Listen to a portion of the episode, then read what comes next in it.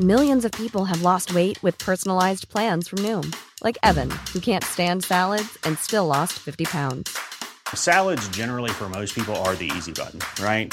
For me, that wasn't an option. I never really was a salad guy. That's just not who I am. But Noom worked for me. Get your personalized plan today at Noom.com. Real Noom user compensated to provide their story. In four weeks, the typical Noom user can expect to lose one to two pounds per week. Individual results may vary.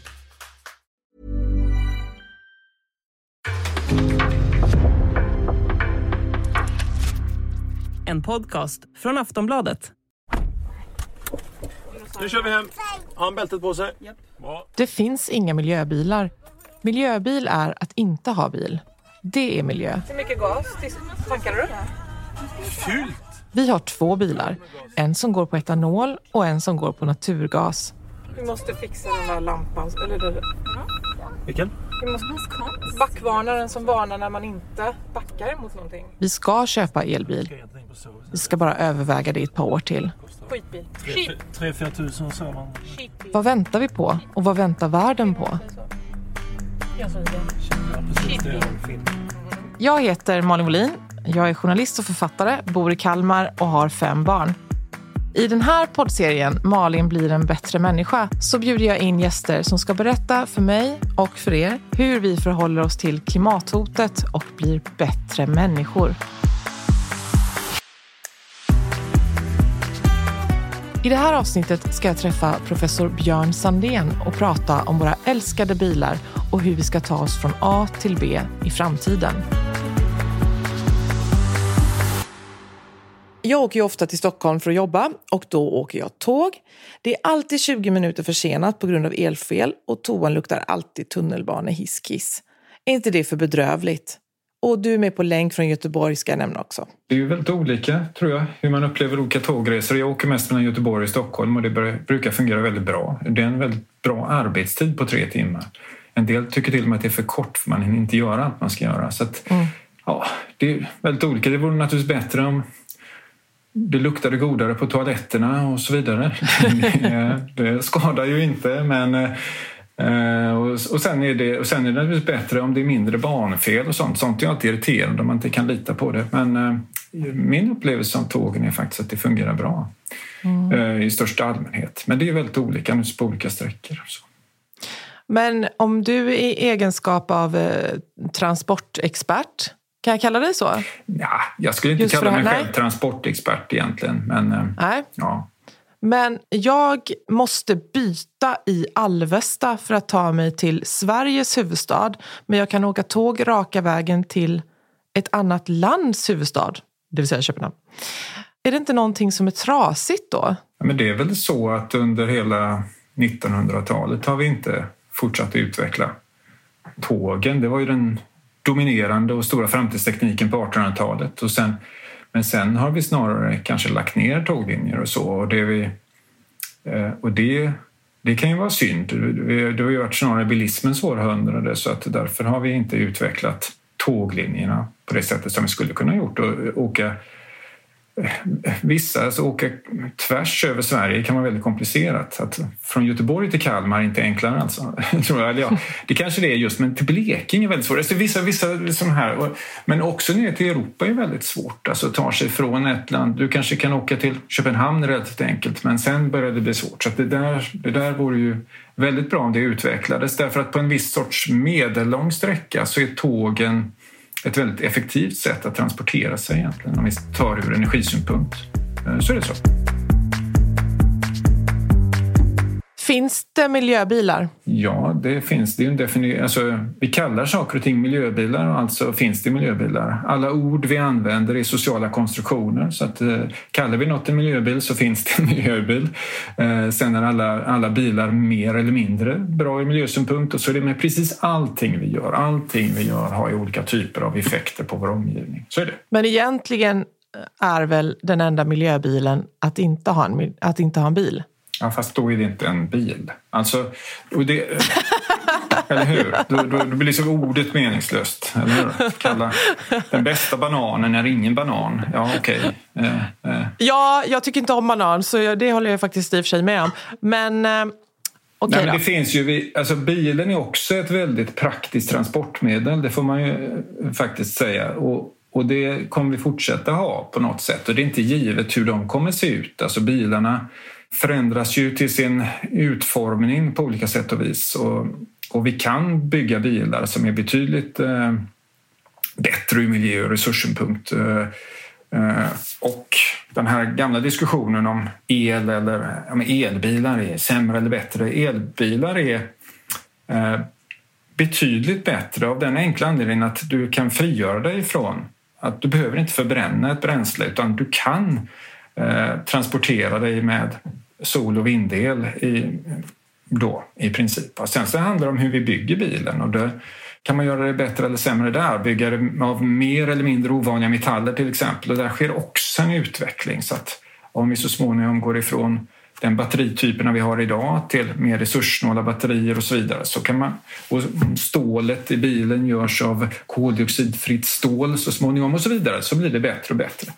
Eh, men givetvis att köra omkring i en stor plåtlåda är naturligtvis eh, mer eh, krävande än att cykla till exempel. Då har du en mindre sak. Så att det, det, visst, det finns grader i helvetet. Alltid. Mm. Men, eh, i, och, och i det helvetet känns det ibland som att jag bor. För så fort den lilla människan försöker göra rätt så blir hon slagen till marken. Och om vi tänker oss att den lilla människan är jag och att jag 2008 köpte en etanolbil och sen bara får höra att det är skit på grund av eh, eh sojaproduktion och vad det är i andra länder. Eh, sen köper jag en begagnad gasbil och får höra att det är skit för det finns ingenstans att få gas och det funkar inte och det är bara krångligt och de exploderar ibland och sådär. Och sen lobbyn då mot, som jag upplever det, mot elbilar som menar att en elbil kräver fem kinesiska kol oljekraftverk eller kolkraftverk eller vad det heter för att laddas en gång. Alltså hur man än gör så gör man ju fel. Men då tror jag att du lyssnar på fel röster faktiskt. Ja, det... Alltså, får- Låt mig ge en, en ljusare tolkning av, av världen. Låt mig det- lyssna. Jo, men det är, alltså, det är väldigt svårt att ställa om så stora system som ett transportsystem. Det är också så med all innovation att det krävs mycket experimenterande och testande innan vi lär oss vad som funkar eh, på stor skala och på, på riktigt. så. Eh, och jag skulle säga att det var liksom inte någon särskild nyhet att eh, alla visste, vi som forskar på sådana saker, att etanolbilar har en ganska begränsad så du kan inte, alla människor i världen kan inte köra omkring en etanolbil. Det krävs för mycket landarealer då Eh, för att odla. Eh, och så. Då, då blir det en massa andra problem. Eh, men däremot skulle jag nog se att etanolbilen i Sverige beredde mark för skapade, du nämnde miljöbilar tidigare, det beredde mark för en marknad för en annan typ av alltså alternativ till bensin och diesel, öppnade våra sinnen lite för alternativ. Och att vi körde lite dieselbilar ett tag som är, då, är lite effektivare än bensinbilar ibland. Inte, inte jättedumt heller då med tanke på vad som fanns för utbud att välja på. Men kanske inte så teknikdrivande. Eh, elbilar är definitivt teknikdrivande och även om vissa batterier produceras i vissa ställen där, där man har en hög koldioxidintensitet så är inte det nödvändigt på något sätt. Många produceras på andra ställen. Du kan alltid hitta skräckexempel på saker och ting. Eh, men det är en möjliggörare för ett koldioxidneutralt transportsystem så småningom. Så att om du har varit med och gjort alla de grejerna eh, så, så har du varit en bidragande eh, faktor till, i omställningen därför att du har gått före och visat att vi kan ändra oss och vi kan testa och vi kan och lära oss under tiden hur vi ska göra. Så att den mycket mer positiva synen på det hela är då att du ska inte alls känna dig nedslagen utan du, du är med i en väldigt stor och komplicerad förändringsprocess. Eh, Där Ja, det är så- det är så jag tänker välja att se det. Mm. vilja göra rätt och försöka än att bara sätta sig ner och sura och säga att allting, eh, ingenting är bra eller det, allting nytt är dåligt och så vidare. Då, då händer ju ingenting. Men om du försöker hela tiden göra så bra du kan, eh, då är du med i utvecklingen och driver på den. Ska samhället fortsätta byggas efter bilar med motorvägar och parkeringsplatser? Ja, det är en jätteintressant fråga. Det har ju haft ett, ett sekel då när bilen har varit styrande för samhällsplaneringen väldigt mycket.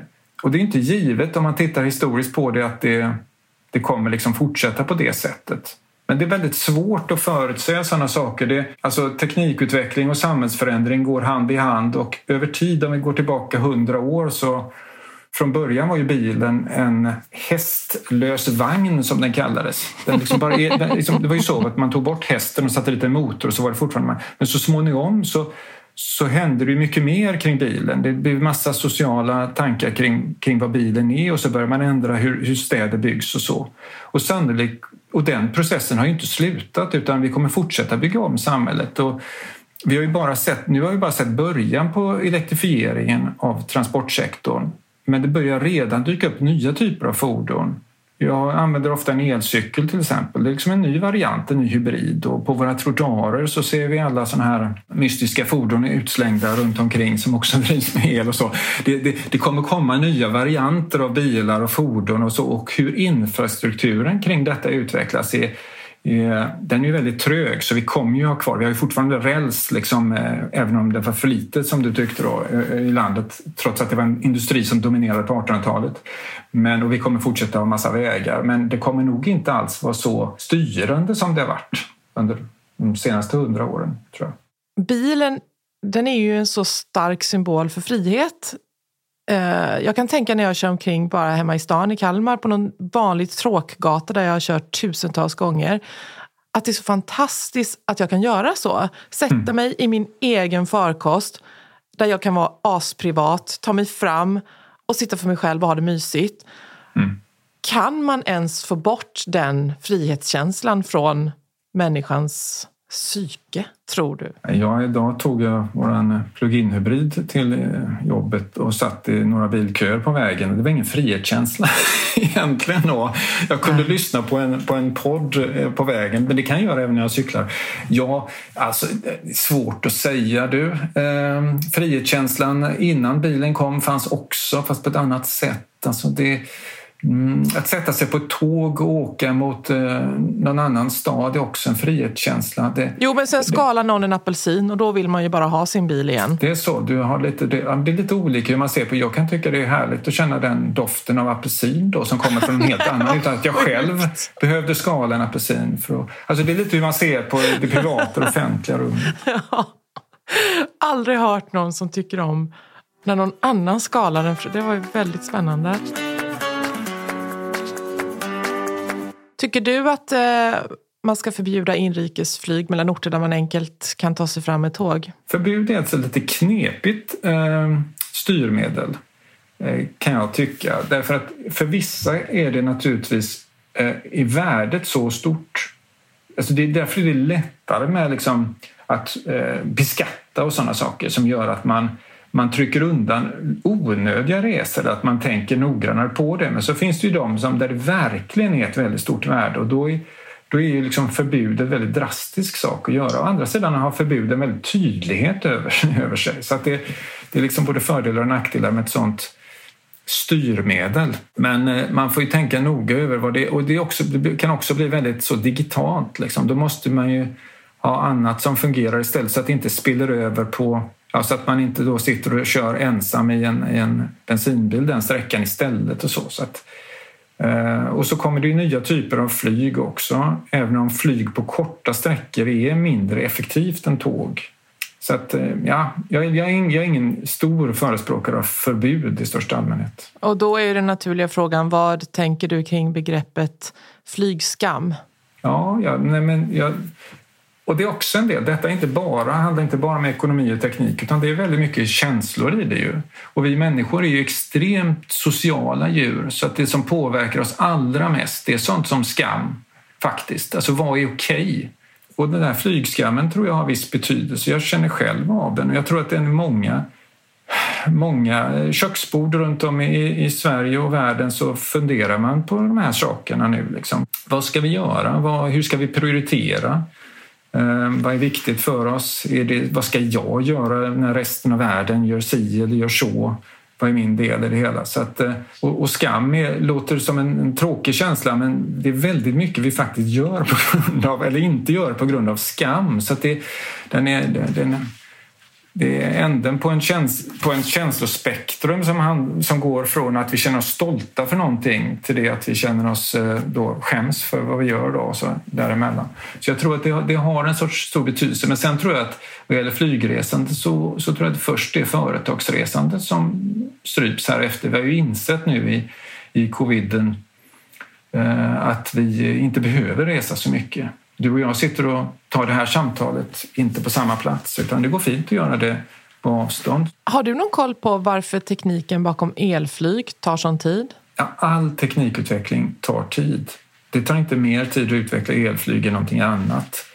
Ehm, den första mobiltelefonen utvecklades 1947 ehm, och det är först kanske på 1990-talet som det får någon sorts större genomslag i samhället. Så är det alltid med ny teknik. Det tar lång tid. Det tar ofta sådär 50 till 150 år från det att någonting är uppfunnet tills att det verkligen slår igenom. Eh, och nu ser vi att elflyg kommer på ganska bred front.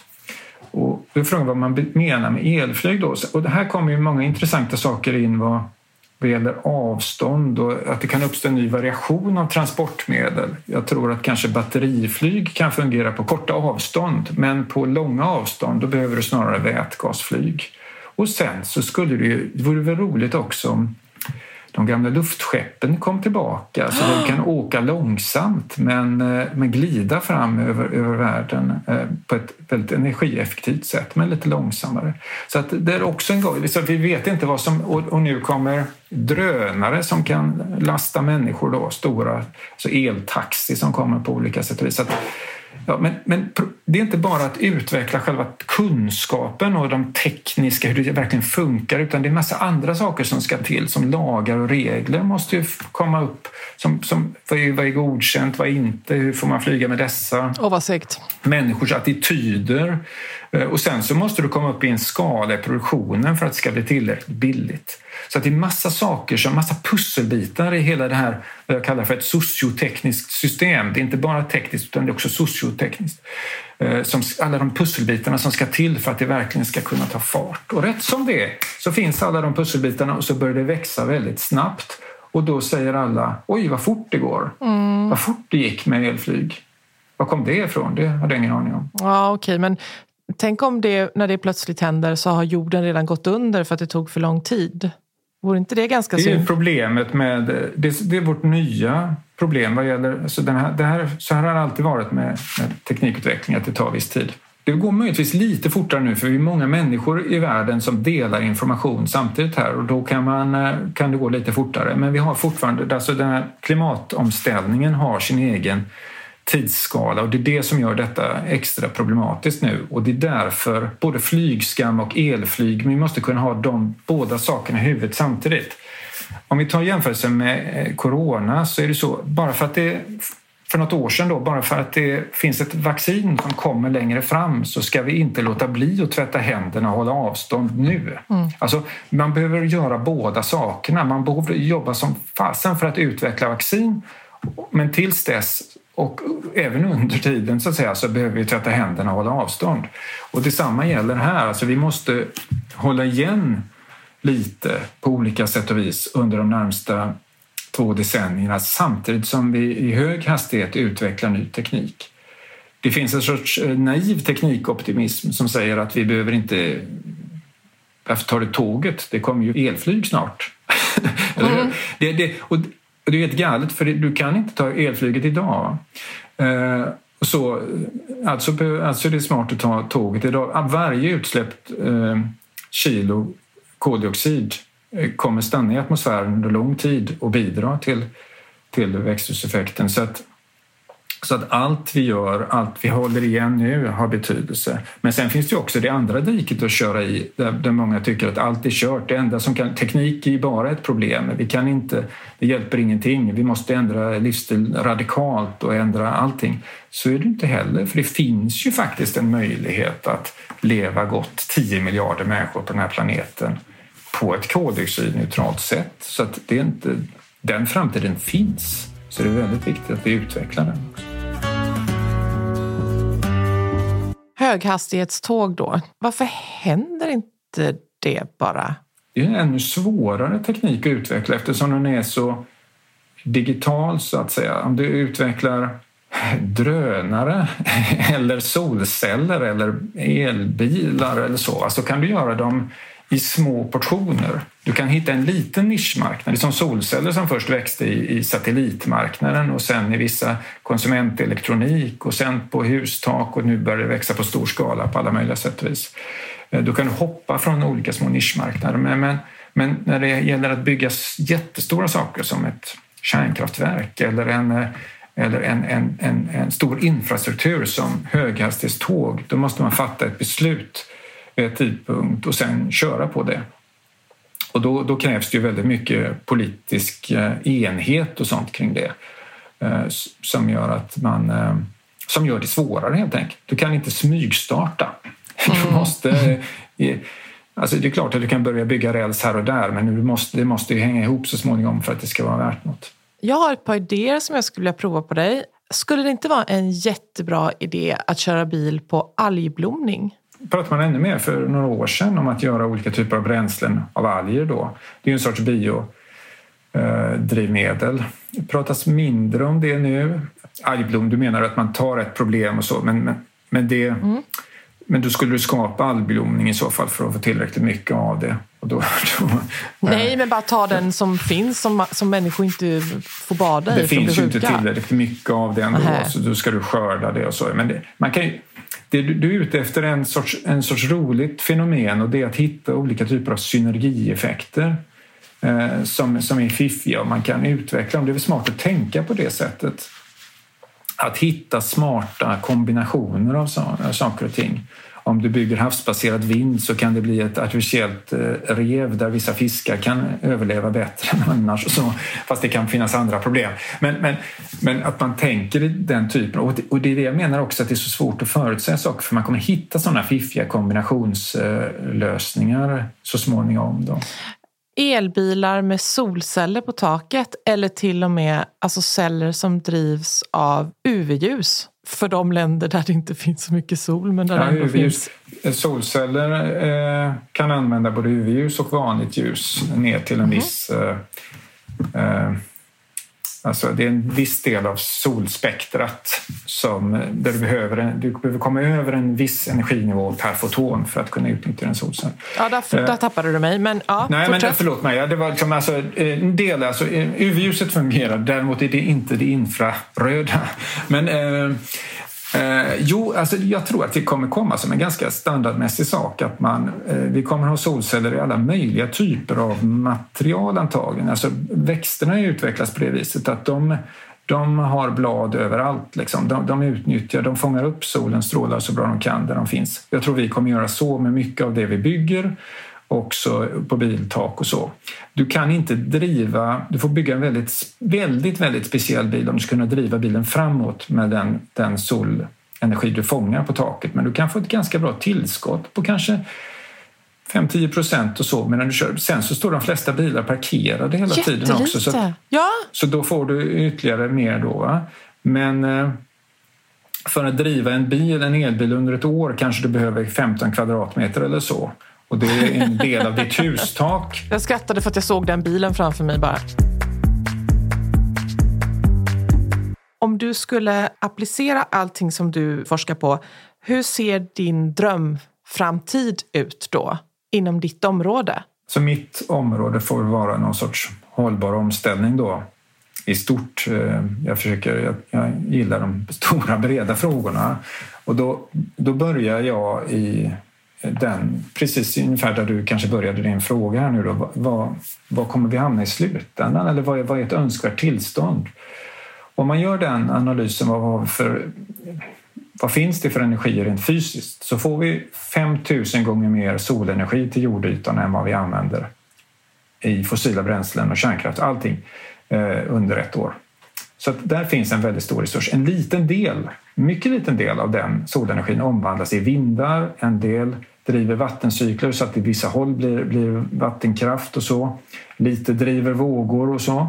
så kan man ha lite tidvatten här och var. Men det är marginella grejer som kan finnas i nischer här och var. Den stora saken blir sol och i viss mån vind. Och en del blir biomassa också då, men den blir ju väldigt exklusiv därför att bygga ett träd det kräver ju väldigt mycket Alltså det är väldigt avancerade molekyler som byggs upp så de får vi se till att använda på ett bra sätt. Men det, du får ut väldigt mycket mindre per, hundra gånger mindre ungefär per, per area. Så. Kärnkraft skulle också kunna vara, eh, bidra med väldigt mycket energi men då behöver vi bygga ett annan typ av... Alltså jag brukar säga att kärnkraft vore väldigt bra om alla människor vore vänner och ingen gjorde fel. Alltså det är ett mycket mer känsligt system för mänskliga brister. Både att vi blir arga på varandra och eh, att vi gör misstag. Så därför ser jag sol och vindframtiden som mycket mer robust. Och då kommer vi tillverka el och vi kommer också behöva eh, lagra på olika sätt, så olika typer av batterier som så småningom kommer in vara gjorda av allt vanligare grundämnen. Vi kommer också dela vatten i syre och väte, så vi kommer ha vätgas mm. till olika saker, eh, industriella processer men också i säkert en del i transportsektorn. Och så. och så kommer vi sträva mot att använda mer och mer vanliga grundämnen, så att säga, inte bygga det på att vi eh, behöver bryta eh, metaller i, i, i gruvor som, eh, där vi, vi kommer få resursbrist. Så att, och vi kommer också cirkulera materialen. Vi kommer ha eh, mer återanvändning, mer återvinning Eh, också. Så att där finns, och ut, rent tekniskt går det att utveckla ett sådant samhälle där 10 miljarder människor, om vi säger att vi, världens befolkning stabiliseras på 10-11 miljarder människor, lever på samma nivå som du och jag gör idag. Liksom. Det är inga problem. Sen finns det ett problem med våra ökade anspråk hela tiden. Men så att rent, vad ska vi säga, om vi ser på samhället rent fysiskt tekniskt så finns det en sådan lösning en bit bort. Då. Vad tar du med dig från det här samtalet vi har haft idag? Jag tar med mig att jag ska vara försiktig när jag skalar apelsiner i offentliga miljöer. och så uh, ja, jag tyckte det var trevligt att prata med dig. Men hur tänker du själv kring detta nu då, efter detta samtalet? Det jag tar med mig absolut är detta med eh, luftskeppet. Ah att ta tillbaka någonting som vi har förkastat, får man ju mm. lov att säga. Mm. Och att res, där resandet börjar eh, redan med själva resandet. Att åka långsamt och att sitta och titta ut på mm. jorden. Mm. Och, och, så kanske det tar ett dygn. Mm. Men det gör inget för man har sett en massa vackra saker. Så panoramafönster och så går det runt någon och serverar iskall kava. Mm. Jag menar, Visst låter det bra? Ja, så det... Och då kommer man fråga sig hur sjutton kunde man sätta sig på de där trånga flygplanen som det kallades och åka så snabbt man kunde? Då mm. missar man ju hela grejen. Mm. Exakt. alltså, då, alltså, man kan ju tänka sig den, den eh, framtidsbilden när man tittar tillbaka och undrar vad höll vi på med? Ja, men då ses vi på ett eh, luftskepp någon gång i framtiden. Med en kava utan ja. apelsin. Apelsin. Tack så mycket. Härligt. Tack. Tack.